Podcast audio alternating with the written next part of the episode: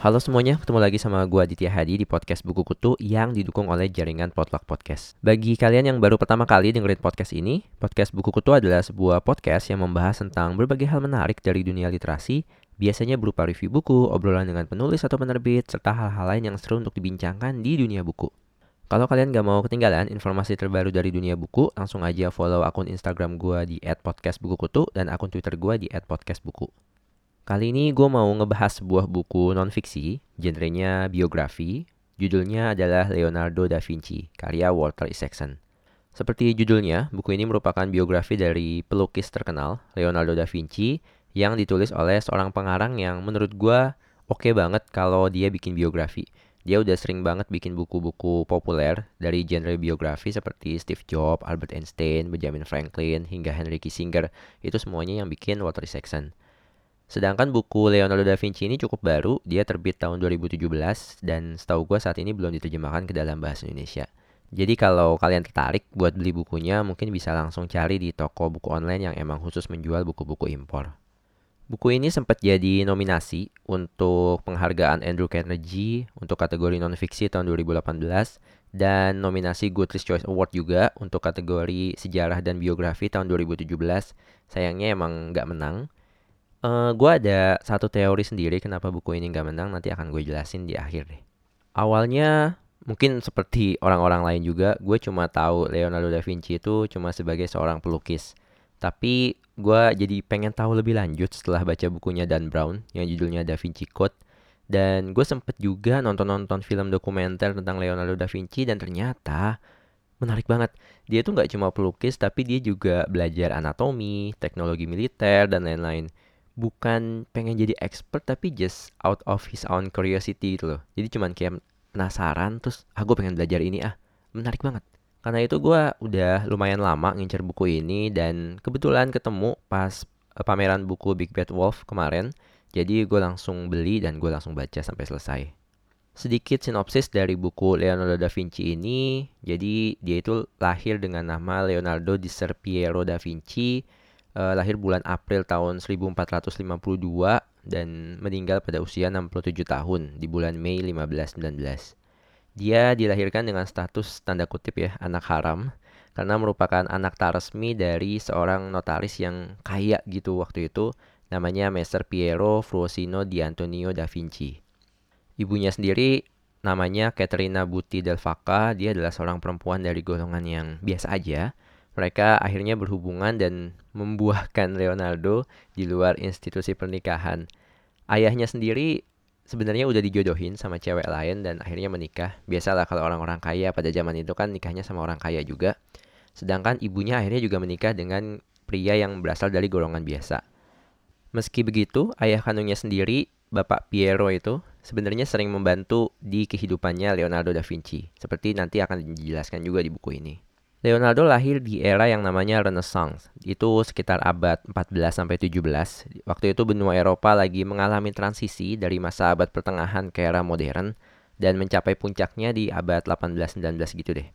Karena itu di era Renaissance ini banyak bangunan baru yang dibangun dengan teknologi-teknologi baru, banyak karya seni yang dibuat dengan indah dan semacamnya karena itu sejak kecil Leonardo sudah menunjukkan ketertarikan dan bakat juga di bidang-bidang tersebut sehingga pas banget ketika tanda kutip dia lahir di era seperti ini. Ketika melihat kok kayaknya si Leonardo ini punya bakat situ gitu akhirnya ibunya dan ada tanda kutip izin bapaknya juga dia dimasukin ke sebuah studio yang dimiliki oleh seorang pelukis namanya Andrea del Verrocchio. Jadi emang ini lumayan prestisius studionya itu. Jadi kayaknya kalau nggak ada campur tangan bapaknya nggak akan bisa masuk deh si Leonardo. Nah ketika dia berada di studio itu, dia akhirnya hal itu membentuk cita rasa seninya. Dia eksplorasi terhadap berbagai macam teknik. Di sini sering banget disebut teknik yang namanya sfumato. Kalian bisa googling aja itu salah satu teknik pelukisan yang bisa bikin apa ya fokus kita saat melihat uh, lukisan itu sedikit beda. Jadi kayak ada berbayang sehingga kita bisa tahu mana yang lebih menonjol, mana yang lebih di belakang seperti itu. Dan teknik sfumato ini terkenal banget di lukisan dia yang paling terkenal yaitu Mona Lisa. Sebagai informasi aja, di zaman Renaissance itu, pelukis-pelukis itu biasanya mereka punya namanya patron. Patron itu adalah orang-orang kaya yang kemudian bisa tanda kutip membantu kehidupan para ahli seni itu membiayai hidup mereka dan itu juga yang terjadi sama Leonardo da Vinci. Jadi setelah lulus dari studionya Andrea del Verrocchio, dia itu kayak masuk ke dalam naungan seorang keluarga kaya di kota Florence yang namanya keluarga Medici. Jadi keluarga Medici ini jadi patronnya Leonardo, nyuruh-nyuruh dia untuk kayak bikin apa, bikin apa gitu. Tapi kemudian dia hijrah ke Milan dan kemudian mendapat patron yang namanya Ludovico Sforza yang merupakan pemimpin Milan pada saat itu. Kemudian dia juga ikut pindah lagi ke Cesare Borgia, seorang tokoh yang cukup terkenal di Italia bahkan sampai jadi sosok utama di buku The Prince-nya Machiavelli. Habis itu dia hijrah lagi ke Paris menjadi tanda kutip anak buah dari Raja Francis pertama. Jadi dia sempat pindah-pindah gitu dan dari situ udah kelihatan bagaimana Leonardo da Vinci itu adalah seorang yang apa ya kayak sedikit moody gitu. Dia nggak nurutin apa aja apa kata si patron dia walaupun dia dikasih duit. Malah kadang-kadang ada kesan bahwa dia kayaknya nggak peduli duit deh. Dia fokus utamanya emang cuma mau membuat sesuatu yang dia suka dan menurut dia itu bisa menjadi suatu mahakarya besar seperti itu. Orangnya tuh perfeksionis banget. Tapi karena perfeksionisnya tadi, Leonardo itu jadi nggak terlalu produktif membuat karya.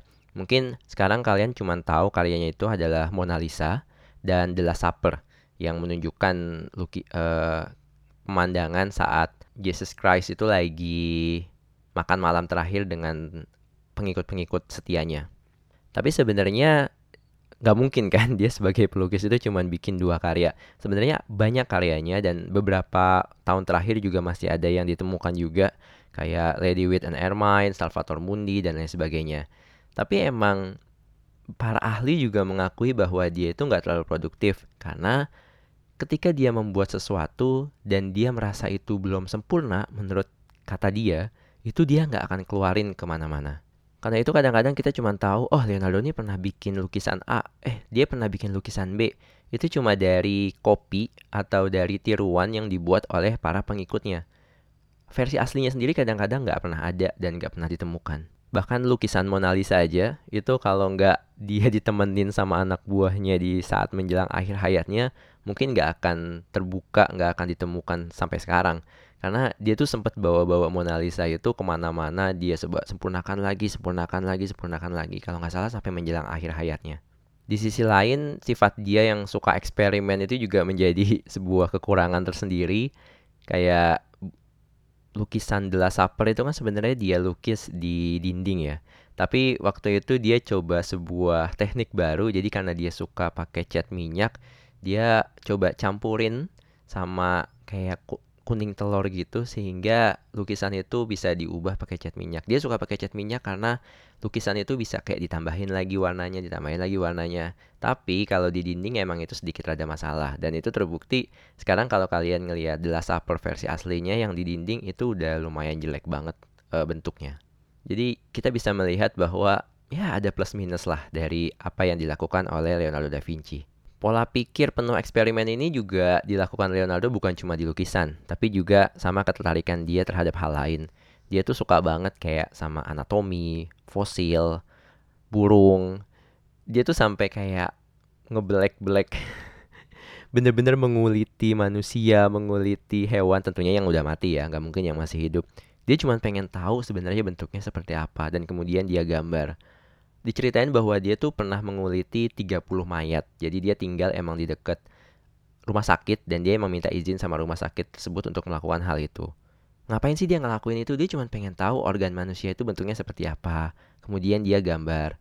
Bahkan mungkin dia adalah orang pertama yang melakukan yang menggambar organ manusia itu dengan bentuk yang baik kayak tiga dimensi gitu. Bahkan Leonardo da Vinci ini juga orang pertama yang menemukan bahwa oh gigi manusia itu terdiri dari gigi geraham berjumlah sekian, gigi taring itu sekian, gigi seri sekian dan digambar dengan jelas bentuknya seperti apa, tempatnya seperti apa dan semacamnya. Makanya ada yang bilang kalau hmm, kalau Leonardo da Vinci ini bukan pelukis, dia nggak ngasilin mahakarya kayak Mona Lisa dan The Last Supper, mungkin dia akan dikenal sebagai bapak kedokteran gigi dunia Karena dia adalah orang pertama yang menemukan jumlah gigi itu berapa dan bentuknya seperti apa dan ciri-cirinya seperti apa. Menarik banget. Gak cuma di anatomi dan semacamnya, dia juga punya ketertarikan sama mesin terbang, botani, geologi, hingga persenjataan militer juga dia sempet apa ya? Dia punya banyak banget imajinasi gitu. Bahkan kalau kalian uh, di buku ini dijelasin bahwa dia tuh salah satu orang pertama yang mikirin konsep tank. Ya, tank yang kita lihat sekarang yang bisa nembak cannon itu, itu Leonardo da Vinci udah mikirin konsep senjata seperti itu di masa hidupnya di abad ke-15. Gile banget kan? Dia bahkan udah mikirin bentuk atau skema dari yang namanya helikopter. Aneh emang. Tapi waktu itu dia nggak pakai buat persenjataan, tapi akhirnya dia pakai, dia realisasikan buat kayak aksi panggung gitu. Karena waktu itu mungkin teknologinya juga belum sampai ya untuk membuat mesin yang bisa terbang. Jadi dia tuh nggak cuman kayak oh gue ngelukis ngelukis aja gini-gini, tapi dia lebih ah gue pengen berimajinasi akan apa pun gitu. Sehingga akhirnya muncullah dia menguliti mayat, kemudian dia bikin konsep tank, dia bikin konsep helikopter dan semacamnya. Nah, sebenarnya dari mana sih gitu Walter Isaacson ini tahu hal-hal tersebut gitu? Untungnya Leonardo da Vinci itu meninggalkan buku catatan. Jadi selama hidup tuh dia nulis banyak banget hal di buku catatannya. Sekarang tuh ada kayak 7200 halaman mungkin yang sudah ditemukan dan isinya tuh aneh-aneh. Jadi kadang-kadang dia bikin sketsa lukisan, kadang-kadang dia nulis pengeluaran yang dia keluarkan untuk membuat sebuah acara pemakaman bahkan dia kadang-kadang nulis to-do list oh pertama nih gue mau ke rumah si A oh kedua gue mau meneliti tentang air bahkan ada satu hal yang jadi apa ya pembuka dari buku ini. Jadi waktu itu Leonardo da Vinci sempat nulis di catatannya bahwa cari tahu bentuk lidah burung woodpecker. Apa ya gue ketika baca ini orang aneh mana yang mikir bahwa dia harus menemukan mengetahui bentuk lidah dari burung woodpecker gitu. Tapi justru itu yang membuat curiosity seperti itu, rasa penasaran seperti itu yang membuat Leonardo da Vinci menjadi seseorang yang hebat. Di buku catatannya bahkan dia nulis, oh gue harus tahu jantung burung itu mengembangnya ke arah mana, ke arah atas atau bawah. Bagaimana sih sebenarnya capung burung itu terbang, otot mana yang bergerak saat manusia itu senyum. Segala hal yang sebenarnya remeh menurut kita di zaman sekarang itu jadi pertanyaan buat dia. Dia tuh kayak apa ya menjaga rasa penasaran seperti anak-anak hingga dia dewasa dan hingga mungkin hingga akhir hayatnya dia masih uh, memegang prinsip-prinsip kayak gitu. Jadi setelah gue baca buku ini gue berubah sih. Gue nggak lagi ngelihat Leonardo da Vinci sebagai seorang pelukis, tapi gue ngelihat dia sebagai sosok yang penuh dengan rasa penasaran, gak pernah berhenti belajar. Walaupun sebenarnya di buku ini bisa kelihatan di di catatan-catatannya itu bisa kelihatan mungkin apa ya orang-orang psikologi sekarang mungkin bisa meneliti sih sebenarnya kondisi mental dia waktu itu seperti apa. Dia tuh kayaknya bener-bener dark banget. Dia banyak gambar hal-hal yang mungkin aneh-aneh, coretan-coretan yang seperti menunjukkan bahwa dia punya masalah dengan mentalnya waktu itu. Tapi mungkin kalau kita dia hidup di zaman sekarang mungkin ah lu dapat ini apa gangguan mental dikasih obat-obatan atau apa dan kita nggak tahu ya itu mungkin bisa mempengaruhi imajinasi dia, kejeniusan dia atau enggak gitu. Tapi ya untungnya waktu itu Leonardo da Vinci nggak sampai bunuh diri, dia nggak sampai melakukan hal-hal gimana-gimana. Uh, dia tetap uh, hidup sampai puluhan tahun dan ya ada satu quote di buku ini yang bilang We are fortunate that Leonardo was left to his own devices to slay his demons while conjuring up his dragons. Jadi dari buku catatannya kelihatan banget bahwa ada iblis tanda kutip yang ada di mental dia waktu itu. Tapi seharusnya kita merasa beruntung bahwa Leonardo tetap hidup, tetap bisa mengalahkan tanda kutip iblis di dalam dirinya. Ya, dan menghasilkan karya-karya yang besar seperti sekarang. I think itu aja, gue akan ngelanjutin review gue terhadap buku Leonardo da Vinci karya Walter Isaacson ini di segmen kedua. Tapi sebelum itu gue mau ngingetin kalau kalian suka dengan konten podcast ini, boleh dong dukung gue secara finansial di karyakarsa.com. Caranya buka aja karyakarsa.com garis miring podcast buku dan klik tombol dukung. Di sana kalian bisa dukung gue secara finansial dengan transfer OVO, GoPay atau transfer bank dan lain semacamnya. Uang yang gue dapatkan dari karyakarsa.com nantinya akan gue gunakan untuk meningkatkan kualitas dari podcast ini dan juga untuk gue beli buku yang akhirnya nanti gue akan share juga reviewnya di podcast ini. Terima kasih buat Aninta Ekanila dan Andi Bayu Nugroho yang udah dukung gue. Thank you banget. Jangan lupa juga buat follow gue di Instagram dan Twitter ya. Oke, kita lanjut ke segmen kedua.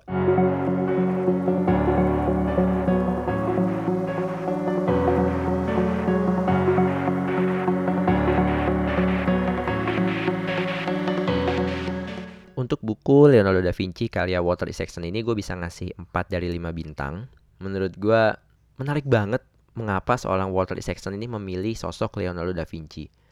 Mungkin waktu itu awalnya Isaacson berpikir, oh uh, ada catatan-catatannya nih yang disebut dengan kodeks. Jadi ada Leicester Codex, ada apa kodeks gitu. Itu sebutan untuk catatan-catatan tangan yang dibuat oleh Leonardo da Vinci yang udah ditemukan saat ini. Mungkin waktu itu Isaacson mikir, oh jadi sumbernya lebih gampang gitu. Bahkan menurut Isaacson jumlah catatan dari Leonardo da Vinci itu yang dia jadikan bahan untuk pembuatan buku ini tuh lebih banyak dibanding email-email yang dia gunakan untuk membuat biografi Steve Jobs.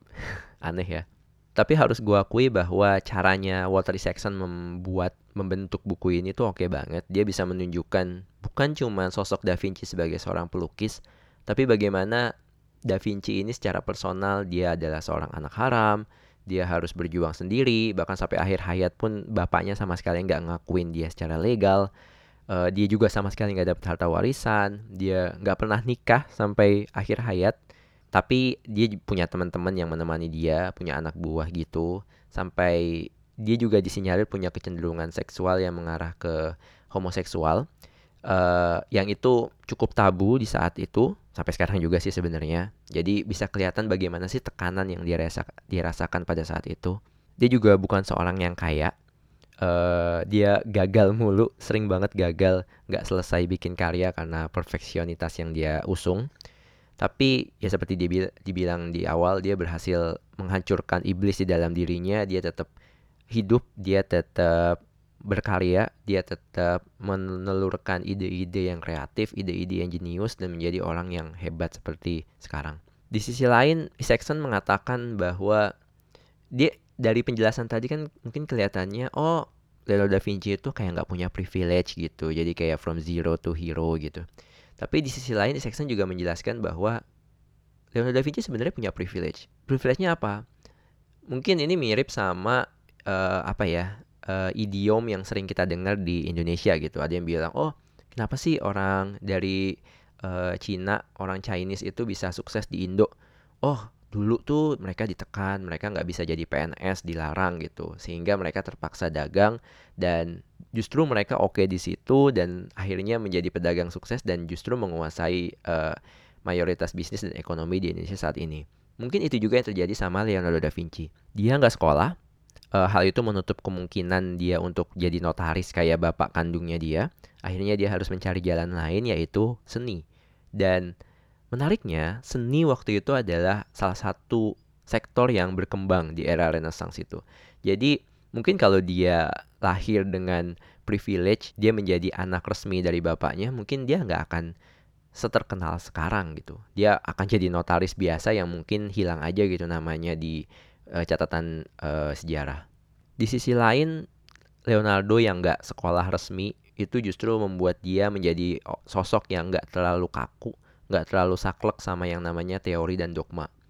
Dia emang menerima teori gitu, tapi dia mencoba untuk membuktikan semuanya di dunia nyata dengan eksperimen dia sendiri. Kalau benar ya syukur, kalau enggak ya nggak apa-apa gitu. Tapi bukan berarti dia nggak suka teori ya dia suka banget teori dia baca banyak banget buku kalau kalian ngeliat catatan tangannya tuh dia nulis oh gue mau baca buku ini ini ini ini gitu tapi prinsip yang dia pegang adalah teori is teori gitu. Tapi dia nggak akan percaya teori itu kalau dia nggak belum membuktikannya di dunia nyata. Dia tuh baca banyak banget buku mulai dari geologi biologi sampai ke fabel-fabel cerita-cerita fiksi zaman dulu. Menurut gue apa ya kayak dia tuh jadi kayak maniac learner gitu loh. Jadi orang yang suka banget belajar dan apa aja dia pelajarin. Ini satu sisi merupakan kekurangan karena dia jadi nggak fokus, tapi di sisi lain merupakan keunggulan. Karena dengan dia bisa kayak cross uh, pengetahuan. Jadi contoh, dia belajar anatomi, dia tahu otot mana yang bergerak ketika orang senyum dan itu dia implementasikan ke dalam lukisan dia. Itu yang menarik sih. Kemudian dia belajar uh, tentang dogma-dogma agama juga dia belajar yang akhirnya juga menjadi aspek-aspek penting di dalam karya dia. Dia belajar filosofi juga, dia belajar hal-hal mekanik juga yang terutama optik yang itu optik itu dia dalami banget dan akhirnya diimplementasikan di Last Supper juga kan. Ini menarik banget sih sosok Leonardo da Vinci itu menarik banget menurut gue. Buku ini juga menarik karena buku ini mengangkat hubungan antara seni dan politik. Kita mungkin melihat dua hal ini merupakan suatu hal yang bertolak belakang, sangat terpisah, tapi Walter Isaacson berhasil menunjukkan bahwa dua hal itu sebenarnya sangat berkaitan satu sama lain, khususnya di era Renaissance waktu itu. Tadi gue udah jelasin bagaimana Leonardo da Vinci itu pindah dari satu patron ke patron yang lain, mulai dari keluarga Medici di Florence, kemudian ke Ludovico Sforza di Milan, Cesare Borgia, dan lain sebagainya. Itu sebenarnya dipengaruhi oleh situasi politik yang berkembang pada saat itu. Jadi awalnya Leonardo da Vinci kan tinggal di Florence, yang emang dekat dengan uh, tempat lahirnya dia, yang sekarang dikenal dengan nama Firenze, terkenal dengan klub bola yang namanya Fiorentina. Nah, waktu itu sebenarnya kepindahan Leonardo da Vinci ke Milan itu sebenarnya salah satu langkah diplomasi. Karena waktu itu Milan itu merupakan kota yang besar dan merupakan pusat militer yang cukup besar di Italia pada waktu itu. Sehingga ini kayak kayak langkah diplomasi dari Florence untuk menunjukkan etikat baik sama Milan sehingga akhirnya dia dikirim ke Milan dan di, menjadi bawahan dari Ludovico Sforza. Di sana uh, Leonardo da Vinci sempat pengen bikin patung kuda yang besar banget dia udah setting oh patung kuda ini ada ada dasarnya dan kemudian nanti akan ditutupin sama perunggu. Tapi kuda tersebut nggak jadi. Kalau dia jadi uh, kita bisa lihat kan sekarang. Tapi kuda itu nggak jadi. Kenapa? Karena ketika dia mau membalut kuda itu sama perunggu eh ternyata pemerintah Milan mau pakai perunggu itu jadi alat perang jadi senjata buat dipakai perang lawan Prancis. Jadi apa ya keputusan yang diambil oleh Leonardo da Vinci itu menunjukkan bagaimana situasi politik, situasi militer yang terjadi pada saat itu. Dan selain itu banyak banget hal-hal lain yang menunjukkan bahwa bagaimana perjalanan seorang Leonardo da Vinci ini juga menunjukkan perubahan peta politik yang terjadi pada saat itu, terutama di Italia dan hubungannya dengan Prancis.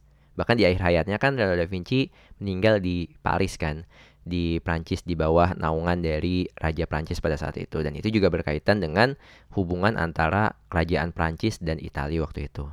Di buku ini juga gue nangkep betapa pentingnya buku catatan. Bagaimana catatan seorang Leonardo da Vinci dari abad ke-15, 16 itu apa ya? Bisa menjadi penerang hidup bagi kita di zaman sekarang itu menurut gue menakjubkan banget sih. Bahkan lebih banyak dari email yang diterima Walter Isaacson buat bikin buku Steve Jobs itu wow sih. Dari sini gue bisa belajar bagaimana buku catatan itu seabsurd apa pun itu. Buku catatan Leonardo da Vinci itu bener-bener absurd. Jadi isinya tuh macem-macem tadi dari oh gue ngeluarin duit sekian, dia cuma coret-coret uh, air, dia coret-coret apa di situ nggak jelas.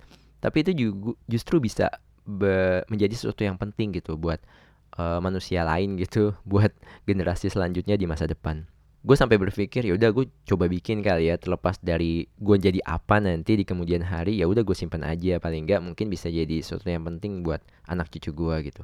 Sebenarnya ada indikasi bahwa Leonardo itu pengen bikin catatan-catatan itu jadi sebuah buku kumpulan buku yang kumpulan naskah yang emang diterbitkan gitu. Tapi ya mungkin karena profesionalitas dia jadi sampai akhir hayat dia menganggap bahwa catatan dia tentang anatomi catatan dia tentang militer itu belum lengkap belum sempurna jadi ya nggak diterbitin tapi ya ujung-ujungnya sekarang kita bisa melihat walaupun nggak diterbitkan kita tetap bisa mengambil manfaat dari catatan-catatan dia itu menarik banget sih selain temanya yang oke okay, uh, menurut gue Walter Isaacson juga berhasil banget untuk menjaga objektivitas dari biografi ini hmm, sebenarnya ada banyak orang yang udah membuat biografi dari Leonardo da Vinci ini sendiri. Sebelumnya bahkan awal-awal itu ada buku biografi milik Vasari.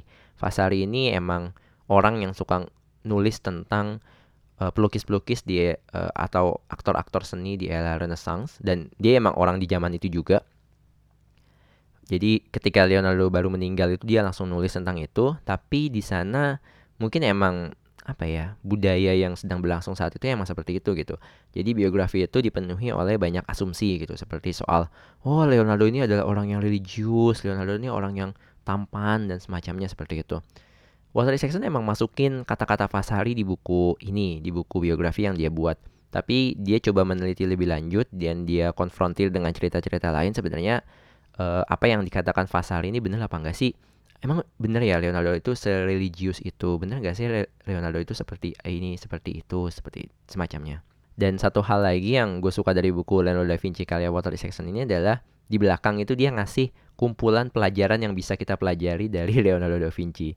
Contohnya kayak, oh kita mesti be curious, kita mesti penasaran, kita mesti berpikir seperti anak-anak yang takjub sama hal-hal yang sebenarnya biasa, tapi gimana sih cara menjelaskannya gitu.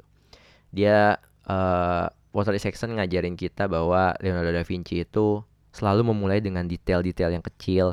Dia suka mengobservasi, dia suka bahkan kadang-kadang dia nggak ragu untuk yaudah gue nyantai-nyantai aja ah buat mencari imajinasi, buat mencari inspirasi. Nggak sibuk dengan cuma kerja kerja dan kerja tapi dia juga me sering kayak oh gue diem aja deh. Tapi bukan buat santai-santai biasa tapi mencoba menenangkan hati mungkin ya menenangkan pikiran agar bisa mendapat inspirasi-inspirasi yang lebih luas lebih lanjut. Terus Walter Isaacson juga menunjukkan bahwa Leonardo da Vinci itu benar-benar orang yang visual banget. Dia kalau menjelaskan sesuatu selalu dia gambar. Kemudian ya tadi dia menghindari silo dia menghindari pemecahan-pemecahan antara berbagai macam ilmu pengetahuan. Jadi dia sebagai pelukis dia juga belajar anatomi, dia juga belajar militer, dia belajar optik dan lain semacamnya. Dan banyak lagi hal yang lain. Kalau kalian mau tahu langsung aja cari bukunya. Tapi ada tapinya. Gue juga sedikit merasa bahwa susunan chapter di buku ini tuh sedikit rada berantakan, sedikit kurang. Mungkin bisa disempurnakan lagi. Dari awal emang terasa seperti perjalanan itu kronologis. Jadi emang dari awal lahirnya Leonardo da Vinci sampai meninggalnya. Tapi apa ya di tengah-tengah tuh kayaknya Isaacson pengen bikin ini jadi kayak tematik gitu. Jadi dia bikin oh uh, apa pendapat Leonardo da Vinci soal optik, soal anatomi, soal apa itu dia gabung walaupun sebenarnya nggak kronologikal gitu. Nah ini yang menurut gue kadang-kadang ngerasa kok kayak sedikit muter-muter ya. Itu sih sebenarnya. Itu aja mungkin uh, kekurangan buku ini menurut gue. Dan di beberapa bagian menurut gue Walter Isaacson terlalu dalam membahasnya. Ya emang sih kita mungkin harus tahu sebenarnya aspek-aspek lukisan apa sih yang membuat karya-karya Leonardo da Vinci itu menjadi mahakarya gitu. Tapi kalau terlalu dalam kan nggak semua orang pelukis gitu dan semua orang nggak perlu nggak semua orang yang perlu tahu terlalu dalam tentang hal-hal tersebut. Itu sih menurut gue kekurangan dari buku ini. Jadi kayak ada rasa sedikit membosankan di tengah-tengah uh, tapi di awal dan di akhir itu menurut gue pace-nya oke okay banget. Pace-nya gue suka banget sih. Jadi kayak buku ini tuh kayak oh ngegas banget di awal cenderung melambat di tengah tapi sedikit naik dan ya lumayan lah ngeboom gitu di akhir. Dan banyak gambar-gambar ilustrasi-ilustrasi yang mendukung banget di buku ini jadi enjoy banget bacanya Indian menurut gue Leonardo da Vinci adalah sosok yang oke okay banget menggabungkan teori dan pengalaman. Dia adalah orang yang selalu penasaran. Bahkan dalam pembuatan Mona Lisa juga seperti itu. Dia penasaran, dia terus memperbaiki sampai dia meninggal bahkan. Uh, pemilihan sosok Mona Lisa juga sesuatu yang penting. Dia yang dia gambar itu kan namanya Lisa ya dan dia cuma seorang istri pedagang kain sustra gitu. Padahal waktu itu Leonardo da Vinci sempat ditawarin buat gambar uh, sosok orang-orang uh, kaya, uh, raja, ratu dan semacamnya, tapi dia nggak mau gitu. Karena dia pengen membuat sesuatu yang dia pengen, bukan sesuatu yang disuruh sama orang lain. Ada satu quote menarik di buku ini, Seek knowledge for its own sake. Not all knowledge needs to be useful. Sometimes it should be pursued for pure pleasure. Jadi sebaiknya kita melihat mencari ilmu pengetahuan itu ya karena itu ilmu pengetahuan. Jangan kita ngincar kegunaannya. Kadang-kadang kita bisa mendapat kenikmatan kok dengan kita belajar hal-hal tersebut. Gue juga menerapkan itu ke baca buku. Menurut gue baca buku juga sesuatu yang hal yang penting. Uh, kadang kita nggak mesti baca, oh gue harus dapat sesuatu dari buku ini enggak. Ya udah baca aja dan kita menjadi menikmati buku tersebut. Masalah kegunaan ya kita lihat nantilah. Pasti kok ada kegunaan dari sebuah buku. I think that's all review gue tentang buku Leonardo da Vinci karya Walter Isaacson. Jangan lupa buat follow podcast ini di Spotify, Google Podcast, dan Apple Podcast. Dan podcast buku itu juga bisa kalian nikmati di YouTube. Caranya langsung aja buka kanal Potluck Podcast, PODLCK, PODCST, dan cari konten yang ada judulnya Buku Kutu. Kalau kalian mau reach out gue untuk ngasih rekomendasi buku yang harus dibahas, penulis yang harus gue ajak ngobrol atau semacamnya, bisa langsung reach out gue di Instagram at podcastbukutu, Twitter at podcastbuku, atau email podcastbukutu at gmail.com. Jangan lupa juga buat beri dukungan bagi jaringan Potluck Podcast. Caranya follow aja Instagram at Potluck Podcast. POD LCK, POD CST. I think that's all. Thank you for listening. See you and ciao.